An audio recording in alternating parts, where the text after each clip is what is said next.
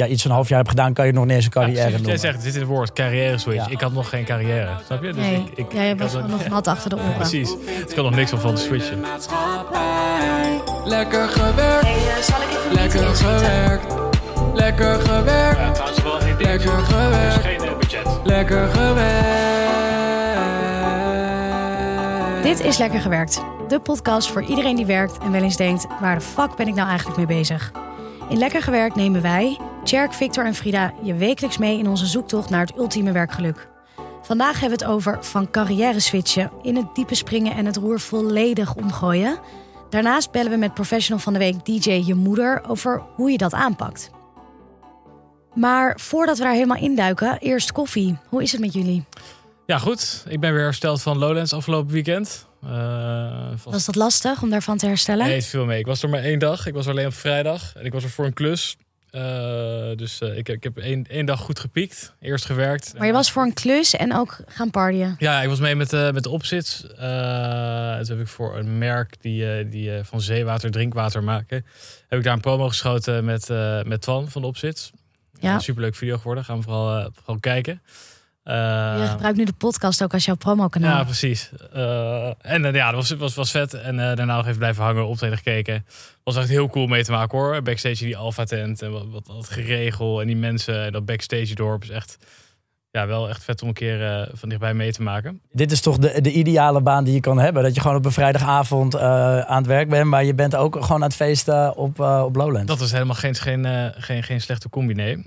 Eh, nou, het was super vet. Optreden echt bizar om mee te maken. Ehm, toen daarna nog even blijven hangen. Toen op een gegeven moment dacht ik, oké, ik ga nu mijn vrienden opzoeken op het eh, terrein. Nou, dat is natuurlijk altijd makkelijker gezegd dan gedaan. Nou, dus ik terrein op. Op een gegeven moment, eh, wat allemaal is gebeurd, weet ik ook niet heel Uren gezocht. Ik sta bij de tweede paal links. Ja, ik ik sta bij de derde paal Ik rechts. had heel veel mensen geappt. Ik op een minuut gevonden. Toen heb ik mijn telefoon gewoon uitgedaan. Toen ben ik, ben ik gewoon meegegaan met de mensen die ik was tegengekomen. Nou, op een gegeven moment rond vijf geëindigd in mijn tent. En toen heb ik gewoon vijf uur geslapen of zo, rond negen, tien. En ik werd wakker en ik dacht, "Ah, ik voel me eigenlijk best wel goed. Dat is, dat is gek, want ik heb best wel gedronken gisteren.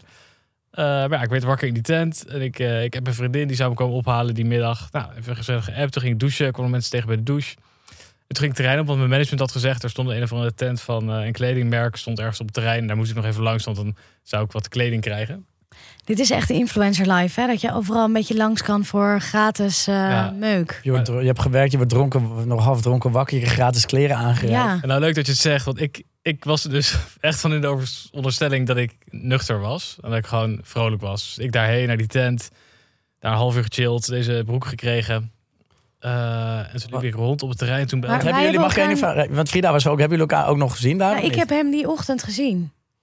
Eh, Ik heb oh. hem die ochtend... Ik kwam in de ochtend op zaterdag Dit kan aan. ik mij- Dit kan ik me niet herinneren, nee. Oh mijn god, ja. Ik kwam zaterdagochtend aan. Dus ik ben gewoon vrijdag vroeg naar bed gegaan thuis. En zaterdagochtend daarheen gereden met een vriend die daar moest draaien. En ehm, Nee, ja. toen kwam ik jou daar tegen en hij had echt bloed doorlopen ogen.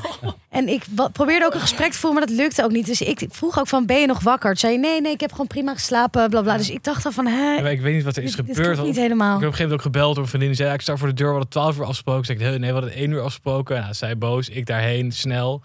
Had ik echt een uur daarvoor geappt. Ja, kom maar om 12, ik ben al klaar. Wist ik gewoon ook niet meer. Maar ik weet niet er is gebeurd. Ze zei ze ook, ik kwam bij die auto aan. Ik vraag nog nog zo, weet je wel. Oh jeetje. Oh, maar, je hebt, Ja, maar heb je dat ook ja. allemaal nog... eh, Lekker gewerkt, Vic. Ja, lekker gewerkt. Heb je voor nog, eh, nog video's online gedeeld? Want dat lijkt me het vervelend als je dan dronken Nee, bent. Dat je denkt, oh, dit is leuk. En dat je de volgende dag wakker wordt. Nee, daar heb ik Nee. eh, gelukkig een, een, een soort eh, goede, goede grens opgehouden altijd.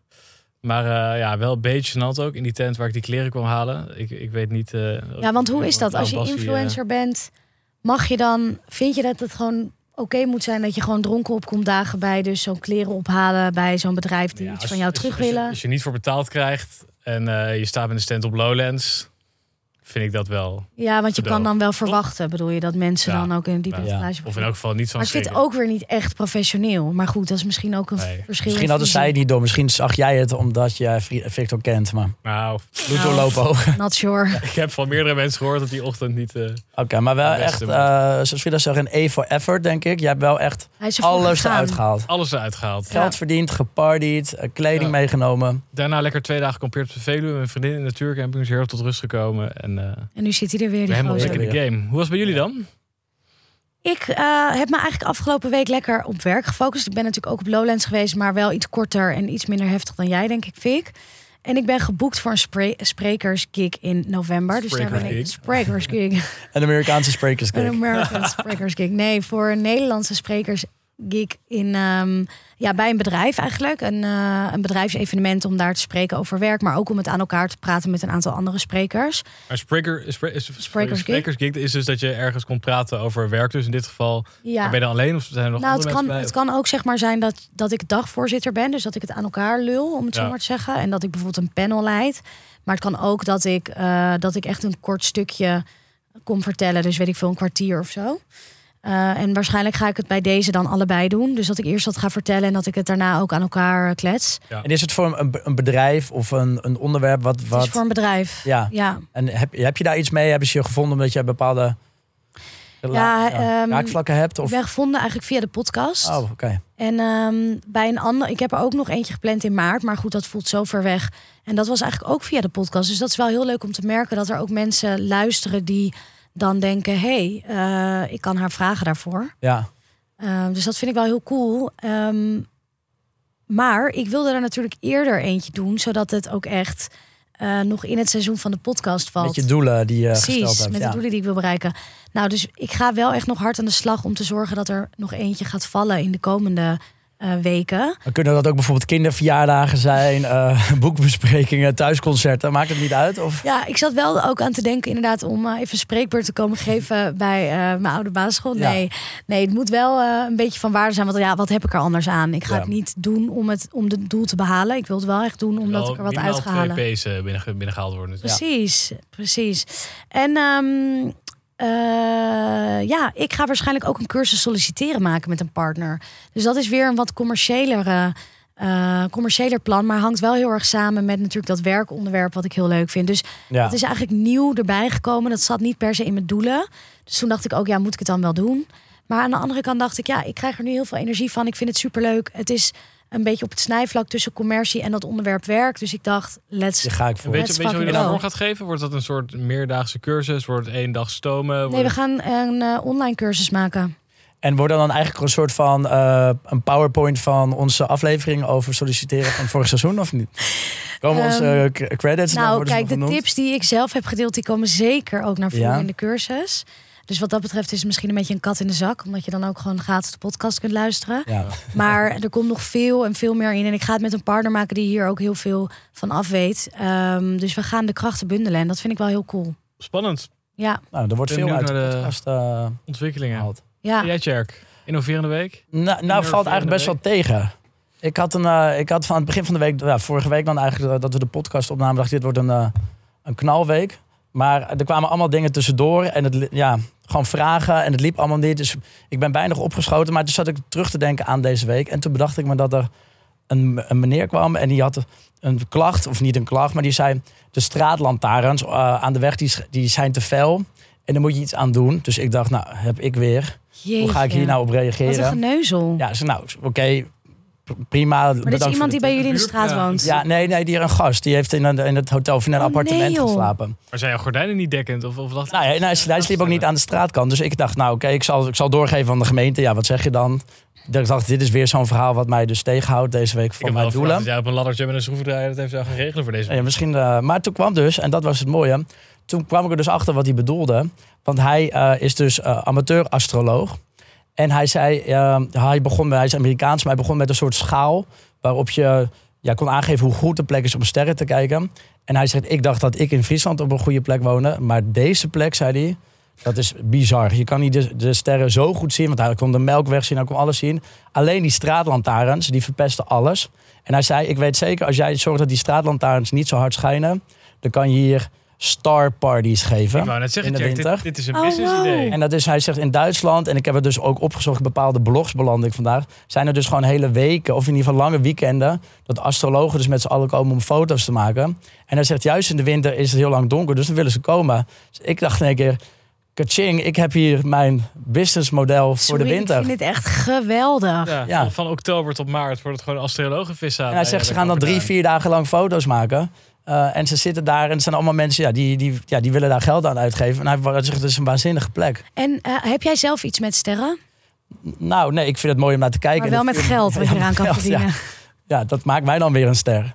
Nee, Nou, ja, ik vond het een mooi idee. Ik weet wel dat, er, dat het vaak helder is en mooi, maar ik wist niet van de gradaties van helderheid af. Nee. Ehm, dus dat was voor mij een, een mooie ingeving. Dus ik ga daar iets, eh, iets meer tijd aan besteden. En hoe ga je dat dan aanpakken? Want hoe weet je dan nu waar je, eh, waar je Nou, dat kunt aanboren, die markt? Ik ben dus vandaag gewoon een beetje gaan googlen. eh star parties in Duitsland. Want dat heet waren de. Ik denk dat je best wel Star rare dingen krijgt als je... En je beland je op een soort van, bijna, wat is het, een soort van nou, die, die oude forums. Ja. Nou, van, van vroeger, ik weet niet eens meer hoe het heet, maar op zo'n pagina beland je. Ja, Ilse Alta Vista.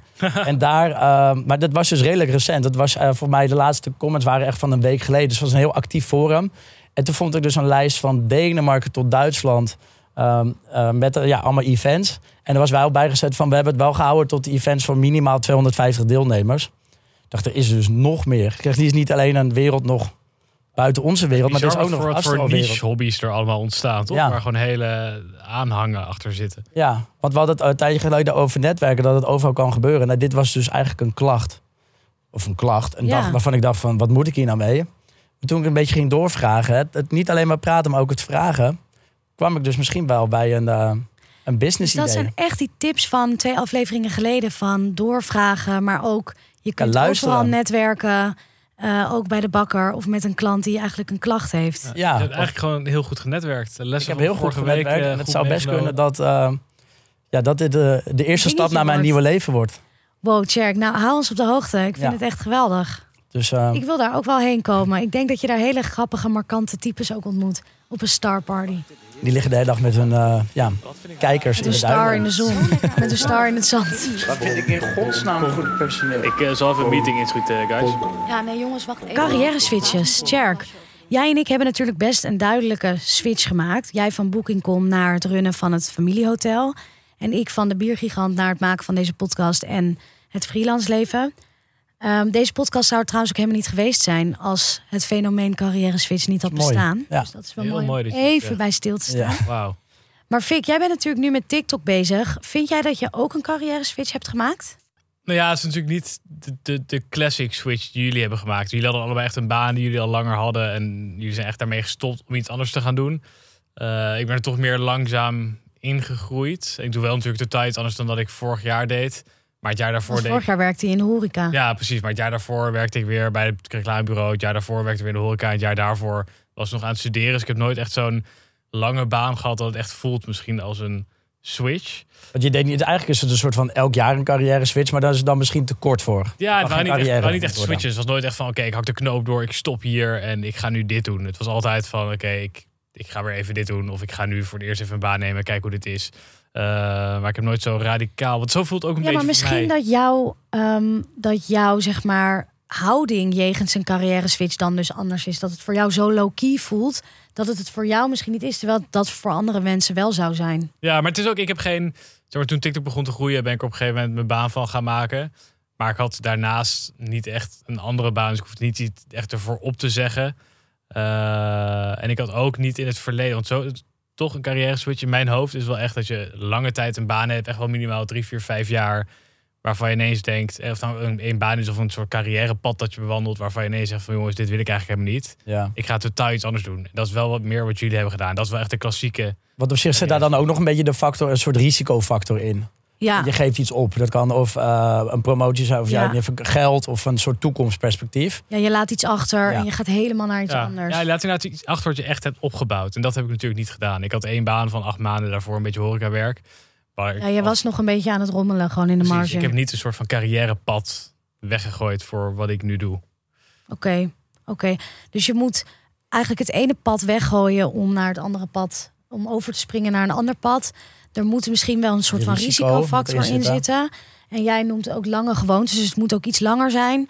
Ja. En, eh, en ja, misschien ook wel echt een totaal ander veld. Dus dat het ook Het niet moet ook zo echt uit elkaar. Ja, het zit ook in het woord, maar echt in een carrière. Inderdaad, als je ja, iets een half jaar hebt gedaan, kan je nog niet eens een Ja, carrière precies wat jij noemen. zegt, dit is het woord carrière switch. Ja. Ik had nog geen carrière, snap je? Dus Nee, ik, ik, jij ik was nog nat achter de oren. Precies. Dus ik kan nog niks van van switchen. Professional van de week. De professional van de week is deze week Esther Goedvolk, ook wel bekend als DJ Je Moeder. Ze besloot op latere leeftijd, ze is nu 57, het roer volledig om te gooien en DJ te worden. Een flinke stap, Laten we haar even bellen over hoe ze dit heeft aangepakt. Ik vind het zo cool dat ze ook DJ je moeder heet. Mooie naam. Kan ze niet heel lang meer aanvoeren, denk ik. Oh, van Jetje 15 moet ze hem veranderen. In DJ je oma. ja.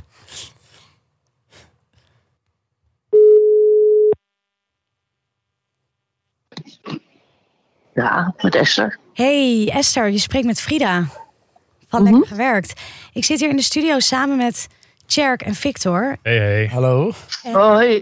nou, wij zijn razend benieuwd naar jouw carrière switch. Dus om gelijk met de deur in huis te vallen. Wat deed jij voor je carrière switch? Ik werkte bij televisie.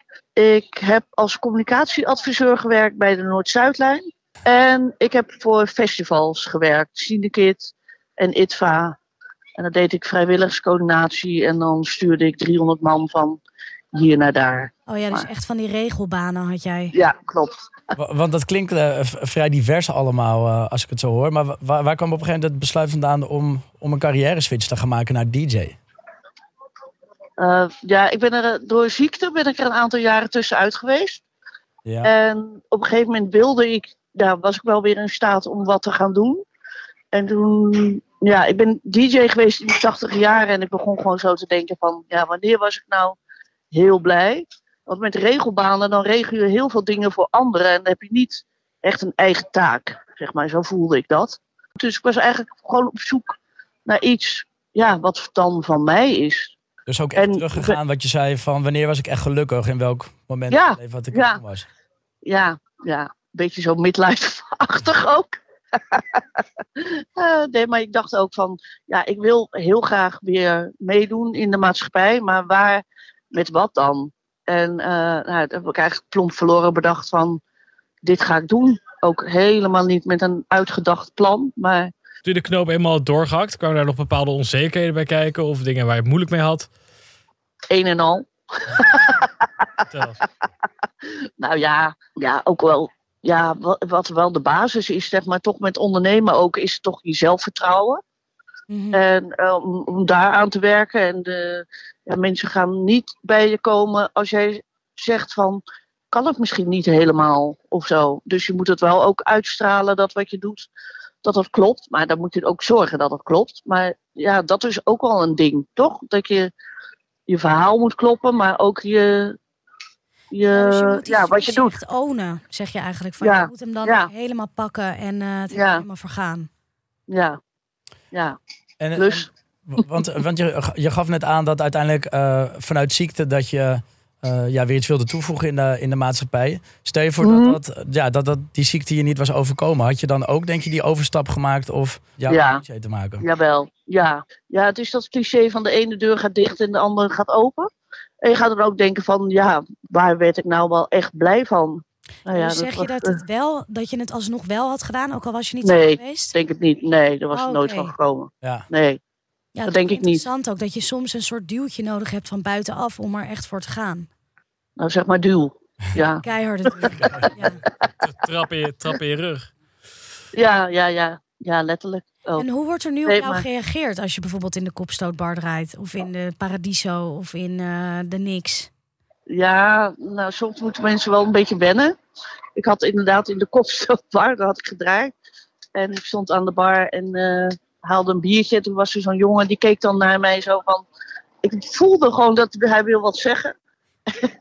hij, zei van, hij zei zo van, ja, ik moest wel even wennen hoor. Wat ik daar in de DJ-boot zag staan. Ja, nou, ik weet niet met welke woorden precies, maar het kwam er wel op neer zo van... My god, je bent niet echt een standaard DJ. Maar hij zei wel dat het klopte. Ik Mhm. wel. Dus, ja, dat voelde, voelde wel, wel weer Wel een compliment. groeien. Ja, Ja, zeker. En, en juist ook Ja. een beetje je USP natuurlijk. Ja, ja, maar ik, ik denk dat het toch ook heel goed is om gewoon je passie te volgen en dat ook te gaan doen. Want ik denk, als je echt iets doet wat je leuk vindt, dan komt het gewoon goed. Ook financieel en de hele reutemeteut. Dankjewel voor dit mooie Graag gesprek. gedaan. En we komen snel bij je kijken. Is goed. Bij jouw party. 16 Die party, ja. september. Ik heb wel een leuke data hoor. Vertel. Nou, 16 september sowieso de waterkant in Amsterdam. Hmm. En eh, ik sta 13 tot 16 september in de jaarbeurs de 50-plus beurs. Ik weet niet of je daartoe aangesproken voelt. Ik denk, Maar ik denk die met, eerste, een, met een stille disco. Ik denk de eerste is meer mijn straatje. Nee, ik ben met mijn vriendin wat op de Kinkerstraat. en We kunnen nooit slapen als de waterkant een feestje heeft. Ja, is dit een nou, goede kom reden om langs. dan maar een keer eh, langs te komen. Ja, helemaal leuk. Heel erg bedankt. Hey, dankjewel. Hoi, hoi. Oké, groetjes. Hoi. Ja, jongens, Leuk. Dat kan ook.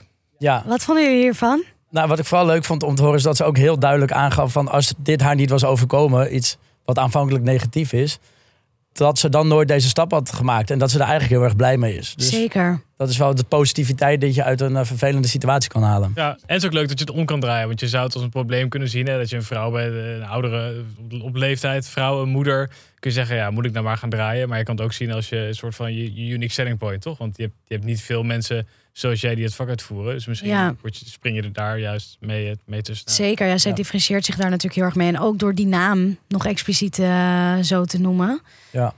Ehm, maar ik, ik vind het wel grappig wat dat jij dat ook zegt, Jerk. Want jij bent natuurlijk met een soort vertrekregeling ook weggegaan. Dat is natuurlijk ook eigenlijk geboren uit een vervelende situatie. Ja, zeker. Want bij corona moesten op een gegeven moment mensen weg. Dus de eerste ronde was eh, mensen die vrijwillig weggingen. En de tweede ronde moesten mensen eh, gedwongen weg. En ik ben eh, ja, toen wel zelf gegaan. Maar stel je voor dat ze niet met die regeling waren gekomen. Dan had ik, ja, misschien had ik er nog gezeten. Want ik zat vaak met twijfels. En dit was eigenlijk net, ja, wat jij net zei, Frida, het laatste duwtje wat je nodig had. eh, om toch die stap eh, te maken. Ja, Ehm, dus in dat opzicht kan een, een externe factor eh, ja, heel erg helpen om een carrière switch te bewerkstelligen, denk ik. mooi. Mooi inzicht. Of ik zelf blij zou worden als mijn moeder in de kopstapbar zou gaan draaien, is, is wel een vraag. Maar eh, Zou je je schamen? eh, ik, zou- ik zou er wel, net als die jongen achter de bar, even aan moeten wennen, denk ik. Maar jouw moeder gaf wel eurythmie-les, toch? Dat ja, misschien kan je dans. DJ meer worden. En mijn moeder heeft ook nog wel een mooie avond een keer beleefd in de kopstapbar. Maar dat is weer een, eh, een verhaal voor een andere keer. Van een andere aflevering.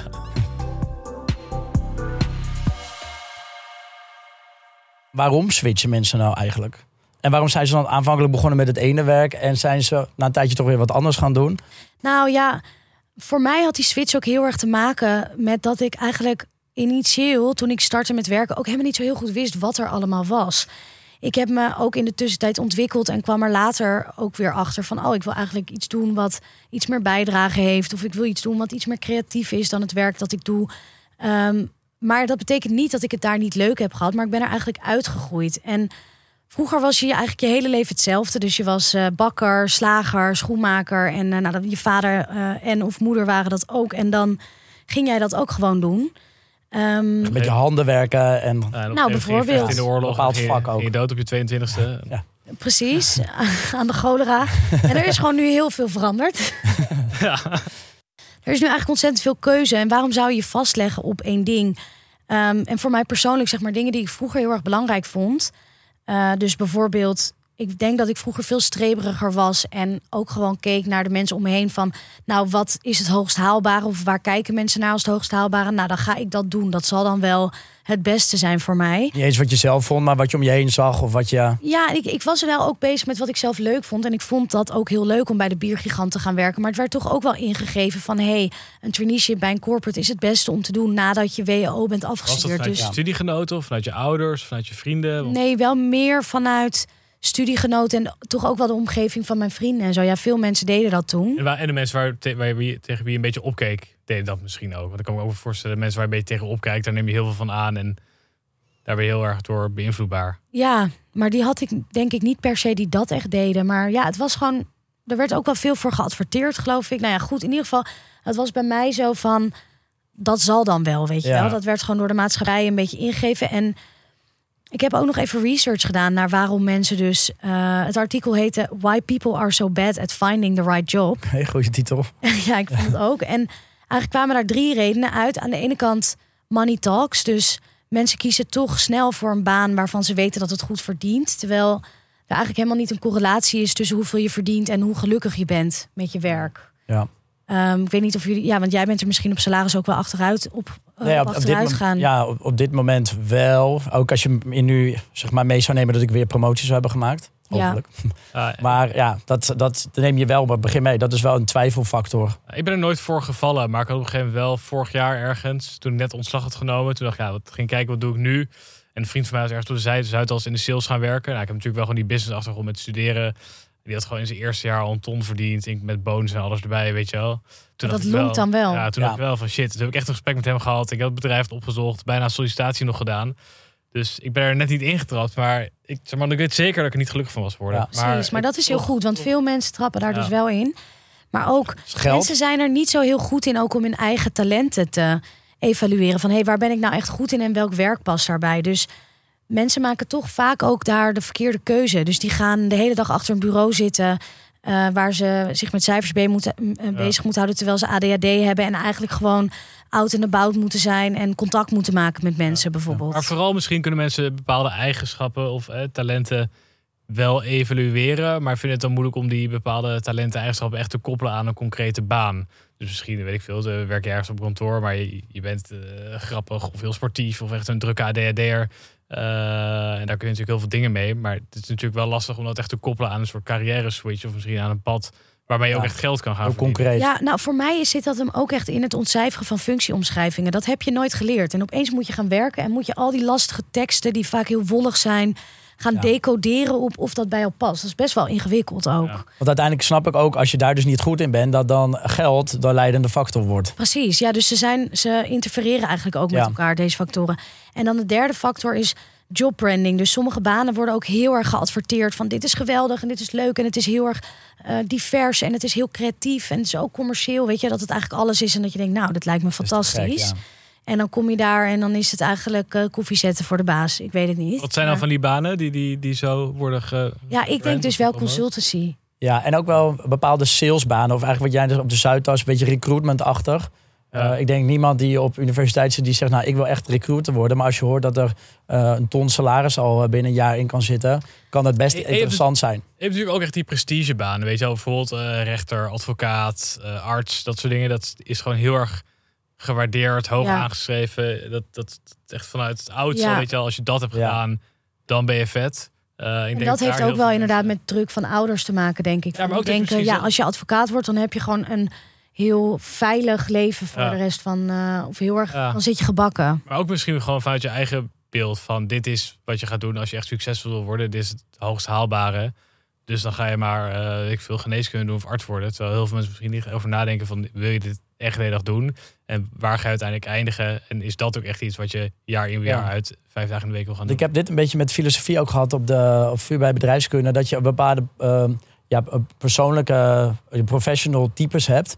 Die per generatie ja, leidend zijn. Dus op een gegeven moment was de bankier. Was echt een betrouwbare man. En dat was goed. En je moest bankier worden. Daar verdiende je geld in. Tot 2008. Ja, precies. Nou, ja, echt, ja, de, De hele, hele harde einddatum zat maar piloot bijvoorbeeld. Dat was ook een voorbeeld. Een, houdbaarheidsdatum zat er ook. Ja, dat Piloot, ja, dat was al eerder, een denk ik. statussymbool. Ja. En de laatste 2001. jaren was het eigenlijk de ondernemer. Van, ehm, weet je, ondernemen is goed, eh, risico nemen. Eh, dus dat er bepaalde stereotypes worden. Ja, elke keer wordt het onderuit gehaald. Ja. Nu is het podcastmaker trouwens. Dus paar je weken ook hoor, dan houdt het ook op. Eh, Shit, dan gaan wij ook weer wisselen, ja. toch? Dan gaan wij ook weer carrière switchen. ehm, maar dat je daardoor ook door kan laten leiden van wat, wat vindt de maatschappij dat nou een interessant persoon is. ja, En eigenlijk begint het nogal een stuk eerder dan de baan die je kiest. Hè? Want je be- begint natuurlijk eigenlijk allemaal bij je opleiding of je de opleidingsrichting die je gaat doen. Ik weet niet wat heb jij gestudeerd ook alweer? International Business en Languages. En dat is iets wat ik heb gekozen. Ook echt op mijn 18 nog niet wist wat ik wilde. Dus ik dacht, ik doe een beetje iets breeds, commercieels. Kun je alle kanten erop. Eh, maar dat is eigenlijk ook wel raar. Zeg Maar ik zou ook nu nog steeds niet weten wat ik dan beter had moeten doen. Ja, misschien met media of zo. Maar ja, aan de andere kant, dat was Ja. ook nu misschien geweest waar ik nu ben. ja, maar iets van kleinkunst of zo. Dat had ook misschien wel bij jou gepast met je sketches en het acteren. Klein, die mensen op zo'n kleinkunstschool, daar ga ik dan wel echt Ja, maar- op. Waarom eigenlijk? Ja, omdat dus alle mensen nu IBL doen die eigenlijk op de kleinkunst hadden moeten zitten. Ja, maar ja, ik, denk, ik denk ook, je, je doet iets en als je ja, achteraf kun je misschien zeggen, ik had dat moeten doen. Ik, Ik vind het wel heel denigerend eigenlijk. Zo van, eh, ja, die mensen, daar moet ik niks mee. Terwijl jij eigenlijk binnen exact, één seconde heb jij de creatieve jij- industrie tegen je in het harnas terwijl jij exact hetzelfde werk doet als die mensen. Nee, nee, ik, maar ik zeg niet gewoon, maar het is, ja, ik, ik, ik ken vrienden van mij hebben kleinkunst gedaan en gewoon zo'n, ja, het is Misschien de theatrale in het algemeen, ja, dat je daar niet zoveel... eh, en, en die, ja, dat, dat, ja, dat trekt mij gewoon. eh, Want uiteindelijk... Maar het eh, klopt wel. Dus zeg maar, het begint al bij je opleiding. En daar zijn we eigenlijk, worden we ook niet goed equipped door ouders, het onderwijs, om eh, echt na te gaan van hé, hey, wat vind ik echt leuk? En daardoor Ja. kiezen zo. Ik bedoel, het is toch raar dat eigenlijk de meest, eh, de meest gekozen studies, weet je wel, rechten, bedrijfskunde. Ik bedoel, het is echt niet zo dat al die mensen dat allemaal geweldig vinden. Maar het is gewoon een soort van de makkelijke optie. Soms is het ook goed om een soort van basis te leggen. En wat je daarna gaat doen, dat horen we net ook Ja. bij eh, DJ Je Moeder. Ehm, weet je, die heeft, zij heeft zoveel verschillende dingen gedaan ook in haar vorige werk. Nu is ze dit aan het doen. Het is niet van ik begin als dit en, ik, en je eindigt in hetzelfde vak. Ja, maar Als ik denk toch, zeg maar, je kan, ja, ja, je kan heel veel effort steken in willen die kinderen dit wel echt die dit gaan kiezen. Ergens denk ik ook van, nou, iedereen gaat uiteindelijk iets anders doen wat je hebt gestudeerd. Hoe erg is dat nou echt? Eh, ik heb prima IBL gedaan. Je hebt wel gewoon een soort focus gehad. Je hebt wel dingen geleerd. Je hebt wel een bepaald leerniveau beoefend. Eh, ik had echt niet geweten hoe vaak mensen ook echt aan me hadden gevraagd. Wat wil je nou echt? Had ik het gewoon totaal niet geweten. Ik denk dat het belangrijker is dat je, als je nou eenmaal klaar met die studie of je begint met werken, dat je gewoon goed met jezelf incheckt. Is het echt wat ik leuk vind? Hoe ben ik veranderd de afgelopen tijd? Moet ik daar iets mee doen? Of zit ik echt op een goede plek? Ja, aan de ene kant eens. Aan de andere kant denk ik ook wel van... er zijn best wel veel mensen om mij heen die nu zeggen... oh, had ik maar psychologie gestudeerd... of had ik maar geschiedenis gestudeerd... Ja. eh, of had ik maar X of Y gestudeerd... omdat ze dat gewoon Ja. echt heel leuk vinden... maar eigenlijk gewoon vroeger niet genoeg in die richting gepoest zijn. Dus ik denk wel dat daar echt nog wel heel veel winst te behalen valt... om mensen al gelijk op het pad te zetten... waar ze geïnspireerd over zijn. Ja. ja, het verschil per persoon. Of je dat inderdaad op die leeftijd al weet. Of dat je het al voelt. Of je die kant op moet. Of dat je dat inderdaad pas later in je leven achterkomt. Want als ik in ieder geval persoon naar mezelf kijk, als we het hebben over het switchen van, eh, van, car- van baan of carrière switch, kan het zijn omdat je dus zelf niet gelukkig bent. Nou, dat hebben we net een beetje besproken. Het kan zijn dat je door een bepaalde reden, een ziekte, misschien een crisis, wat dan ook, eh, eruit moet. Een duw in de een rug. duw in de rug. Eh, en het kan zijn, ik, ik had laatst gelezen weer die Fred Teven, dat hij een paar jaar geleden nou, staatssecretaris van Veiligheid en Justitie zijn, dat hij buschauffeur werd.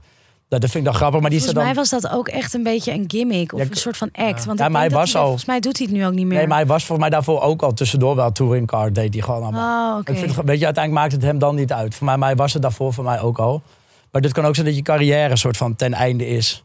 Uh, en dat je denkt, ik wil nu echt iets anders doen. Ja, dat zijn ook misschien de mensen die na hun pensioen nog gaan vrijwilligerswerk gaan doen in een andere Ja. hoek of weet ik het wat.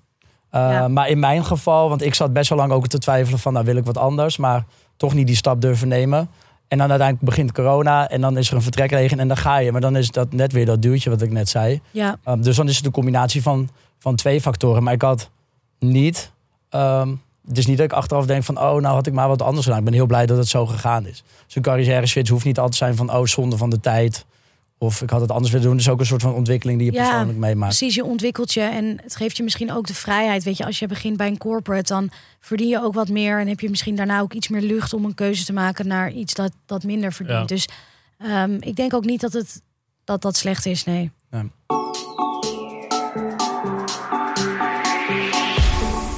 Boys, deze week is onze sponsor natuurlijk weer het Probeer de Bond op Insta, onderdeel van CNV Vakmensen. Uh, en hoe kunnen zij helpen dan? Nou, als je voelt dat je niet helemaal meer op je plek zit of je twijfelt over een andere richting opgaan, uh, dan kan het misschien best wel fijn zijn om daar ook met iemand over te praten. Ja, ik, ik herken dat ook wel. Want uh, als ik zelf ga nadenken, kan ik mezelf ook helemaal gek maken op een gegeven moment. Precies, van, wat wil ik nou? precies. En dan kan zo'n klankbord of iemand die daar uh, ervaring mee heeft ook heel fijn zijn. En dat is um, dus bij Probeer de Bond kan je loopbaanbegeleiding krijgen via een zusterorganisatie, die heet James. En je zoekt dan eigenlijk met hulp uit waar je interesse en capaciteiten liggen en wat bij je past. En wat, wat, wat kost dat dan? Ja, jij denkt tegelijk weer aan de harde knaken. Nou ja, in veel gevallen is het kosteloos. Dus als je meer wil weten over loopbaanbegeleiding en James, dan kan je in de DM sliden van Probeerdebond op Insta. Nou, is toch weer breder, hè, die, die bond, dan dat je zou denken. De bond doet alles wat met werk te maken heeft, ja. Ik merk dat veel mensen om me heen die carrière switch ook echt enorm bewonderen. Ik krijg daar best wel vaak opmerkingen over van... oh, wat knap dat je dat hebt gedurfd en wat cool. En uh, vond je dat niet spannend of eng? En uh, het voelde voor mij eigenlijk gewoon als de enige logische keuze op dat moment... die ik nog kon maken. Maar hoe denken jullie dat dat komt? Dat daar zoveel soort van...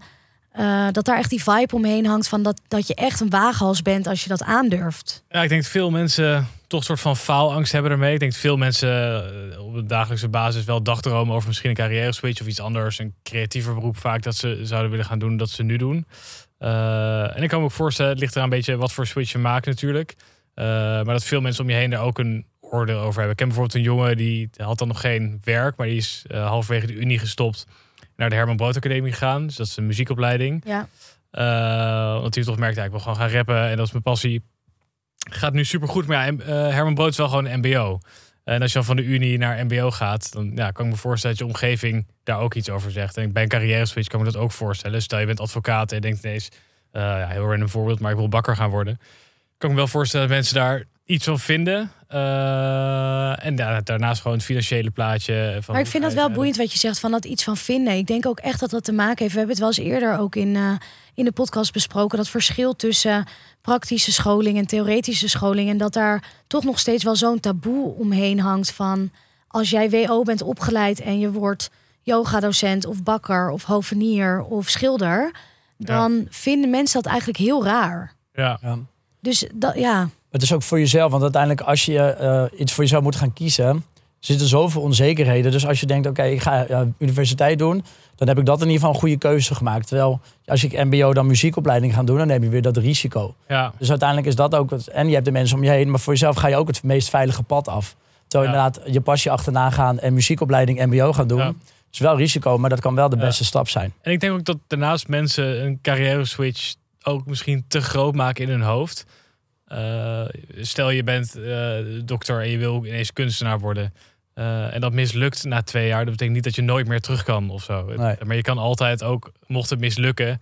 Natuurlijk zullen daar, weet ik veel, financiële moeilijkheden bij komen. Ja, nou Maar- dat was het exact bij mij. Van mensen zeiden, oh je geeft je marketingcarrière op bij de biergigant. Zou dat nou wat doen? Maar ik had ook zoiets van, ja, ik heb het daar goed gedaan. Ik ben daar eigenlijk eh, weggegaan ook eh, met, met goede papieren, om het zo maar te zeggen. Ja. Dus als het nu blijkt dat eigenlijk wat ik eh, beoogd heb als switch helemaal niet werkt. Ja, dan ga ik bij een andere biergigant solliciteren als het Precies, allemaal... dat is weet heel je? anders. Die werkervaring staat er gewoon. Precies. Ja. Maar toch denk ik, als je in een soort pad zit, je zit in een bedrijf en er zit een promotie te aankomen, heb je wel het gevoel van, gooi ik misschien toch geld over een bepaalde carrière weg. Um, Ja, en dat heeft denk ik ook wel heel erg te maken met... heb je kinderen, heb je een koophuis... eh, Ja. heb je misschien een partner die ook afhankelijk is van jou. Weet je, dat, dat nemen we nu niet mee. Maar dat zijn natuurlijk wel allemaal dingen die, waar je heel goed over na moet denken... voordat je zo'n grote stap maakt. Ja. Ja. Want ik ben uiteindelijk, ja, voor mij was het dus aan de ene kant die vertrekregeling. En ik wist wat, dat ik het hotel kon gaan overnemen. Dus dat was vrij duidelijk. Maar ik ben ook een beetje gaan googelen van nou, eh carrière switch, hoe werkt het nou? Ehm, en één punt die ik de hele tijd tegenkwam, was dat er stond van ehm, ja, weet je wel, eh, volg je passie. En dan kwam er daarna van. ehm, maar hoe ga je om met minder verdienen? Dus het was ook een beetje van: ga je nou automatisch ook minder verdienen als je passie gaat volgen? Dat Ja. was wat ik eruit kreeg. Vind ik wel echt een hele leuke vraag. Want Ik denk wel vaak, toch? Want nou ja, aan de ene kant wel. Kijk, ja, van, wil je echt wat je leuk vindt? dan ga je wel minder krijg je verdienen. niks. Ehm, kijk, passie zit toch vaker ook in die hoek van creativiteit of iets met mensen. En dat zijn niet per se de banen waar je standaard heel veel geld verdient. Ik heb nog nooit iemand gehoord die zei van... Oh my god, mijn passie is eigenlijk toch accountancy. Ik was hiervoor kunstenaar, maar ik ga toch voor die De andere accountancy kant rol. op. ja. dat heb ik nog nooit gehoord. Ja, dus inderdaad creatieve dingen, maar een B&B runnen en zo, dat hoort natuurlijk ook eh, veel bij. Ja. Dus Een, een droom die je veel hoort. Ja, maar dat is, gaat niet eens over minder verdienen. Maar dan, gaan, dan wer- werk je gewoon in de schulden, denk ik. Ik ben ik vertrek. Nee, maar inderdaad, ik denk wel dat het vooral in creatieve beroepen is het lastiger om rond te komen en ook denk ik lastiger om ja, een, een solide goed inkomen te hebben. Eh, Het kan wel. ja, je- Maar je topje van, dat zijn eigenlijk alleen topje van de ijsberg Ja. die dat echt daar veel mee verdienen. Weet je wel, de uitschieters, grote muzikanten en Ja, dat. inderdaad. Stel je wordt artiest en je wordt, je wordt echt goed, dan ben je meteen helemaal binnen. Eh, maar heel veel mensen blijven inderdaad wel ja, toch hangen op een eh, inkomen waar je net van kan leven. Ja, en wat je dan ook, als je echt iets wil doen waar je denkt, die kan hier later meer inkomen mee eh, ha- halen. Bijvoorbeeld eh, kunstenaar zou best kunnen. Maar dat betekent waarschijnlijk op het begin dat je minder verdient. Dus je moet, als je in ieder geval eens naar mezelf kijkt, ehm, de korte termijn prikkel was bij boeking blijven en daar meer geld verdienen. Maar als ik dan op de lange termijn keek, dacht ik, daar valt misschien meer te verdienen. En dan hoef ik niet over 15, als over 15 jaar die promotieprocessen te doen. En dat is uiteindelijk ook wel een soort korte versus lange termijn prikkel die je in ogenschouw eh, eh, Ja. ja, moet nemen. Ja, en ben je dan... eh, uiteindelijk heb jij dus beter geluisterd naar die lange termijn prikkel. Die vond je toch belangrijker. Uh, ja, maar die heb ik uiteindelijk toch wel genomen, omdat er dus een situatie zich. uh, ja, Ja, dat duwtje. aan, ja, het duwtje die kwam. Anders Ja. weet ik het niet. Ja, dat duwtje herken ik ook heel erg. Want ik had het zo niet naar mijn zin in Duitsland. Dat was eigenlijk gewoon een keiharde... Nou, was Ja. misschien meer een trap in het gezicht. Kap in de afgrond. Ja, Kwetsen, nee. kan ook lekker zijn. Maar dat, ehm, ik ben eigenlijk heel blij met die, met die trap in mijn gezicht. Ja. En deze week hebben we ook weer een gevraagd advies. Deze keer sprak ik met Jorien Brouwer. Zij is arbeidsadvocate. En we spraken over waar je allemaal aan moet denken als je je baan opzegt in aanloop naar die felbegeerde carrière switch. Ehm, want je wil dat natuurlijk wel goed regelen voor jezelf. En ik moet zeggen, ik heb natuurlijk zelf een jaar geleden ook mijn baan opgezegd. En had ik dit interview toen maar gehoord. Want er zaten heel veel tips en dingen in waar ik toen totaal niet aan heb gedacht. Dus eh, als de luisteraar een carrière switch op het oog heeft, luister dan zeker even uh, deze aflevering die woensdag online komt. En um, zijn er nog gevolgen voor de werknemer als die de opzegtermijn niet in acht neemt en gewoon zegt: ja, ik wil uh, gewoon per se dan en dan weg? Ja, dan ben je een vergoeding verschuldigd uh, aan je werkgever. En die vergoeding is gelijk aan het uh, salaris over de opzegtermijn. Die ja. jij in acht had moeten nemen. Oké, okay, oké, okay, dus dat kan toch nog wel een duur grapje zijn. Ja.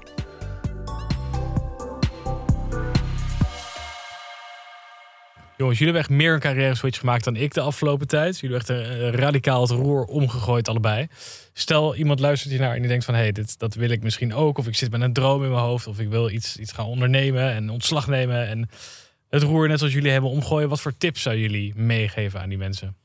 Kijk, als je nou echt, als je dood ongelukkig bent uh, in je baan... en je, je bent er gewoon helemaal klaar mee... dan zou ik zeggen Weet je, ga ervoor, uh, maak die carrière switch en denk er niet eens over na. En laat jezelf gewoon in het gezicht trappen. ja, vraag om die trap in je gezicht en luister dat interview. En uh, ja, ga ervoor, zou ik ook. Uh, ja. Dat zou mijn advies zijn. Um, en ook als je al zeker weet, misschien ben je blij in je huidige baan, maar je weet al zeker wat je wil gaan doen. Je wil bakker worden, dan kan het ook. Maar anders zou ik mm, ja, wel gaan oriënteren, maar ook niet gelijk je oude schoenen weggooien voordat je wat anders hebt. Want de carrière switch is ook een beetje de ja, van deze tijd. Van als je dat doet, eh, dan ben je, dan ben je cool en dan, dan durf je de uitdaging Ja, en het aan. gras is, is altijd groener aan ja. de overkant. En uh, weet je, er is altijd ergens een betere. Een beetje die Ja, dat gevoel. Dus laat je daar, niet, uh, laat je daar zeker niet uh, door verleiden. Um, en ook in die, oh ja, dat vond ik ook een leuke trouwens, in die tips die ik had opgezocht, of stappen voor de carrière switch. Er stond er eentje en die heb ik even genoteerd. En die stond, doe iets. Oh, dat vind ik super. Dat heb ik even genoteerd, want ik kon wow, niet onthouden. Dat resoneert heel erg met mij. Ja. Zonder jou zou deze podcast ja, zo inhoudloos zijn. Al begin je met koffie drinken, mensen hun LinkedIn afspeuren, lijsten van bedrijven maken die interessant lijken, uh, daar vacaturepagina's van bekijken. Dat kan al helpen in een soort van overgang oriëntatie naar die carrière switch, zonder dat je op straat staat. Ja, kijk, ik denk aan de ene kant, je hebt nu die krapte op de arbeidsmarkt, dus het is een heel goed moment om die stap te wagen, omdat overal talent wordt gezocht. Maar aan de andere kant zitten we ook in een koopkrachtcrisis. Dus die euro die je verdient, die wordt eigenlijk steeds minder waard, omdat alles duurder wordt. Dus als je nu voor die sprong gaat uh, en je gaat er financieel op achteruit, ja, wat betekent dat dan voor je persoonlijke situatie? Ik denk wel dat dat een hele goede is om bij stil te staan. En je moet dus ook altijd proberen om financiële ruimte te maken en te houden. Dus als jij nu een goede baan hebt, zet genoeg opzij dat als jij op een gegeven moment denkt: ik ga springen, dat je een klein buffertje hebt. Ja, want dat heb jij ook wel echt voorbereid voordat jij Zeker. weg met de bier gaat, toch? Ja, echt maanden eigenlijk heb ik daarop gebroed.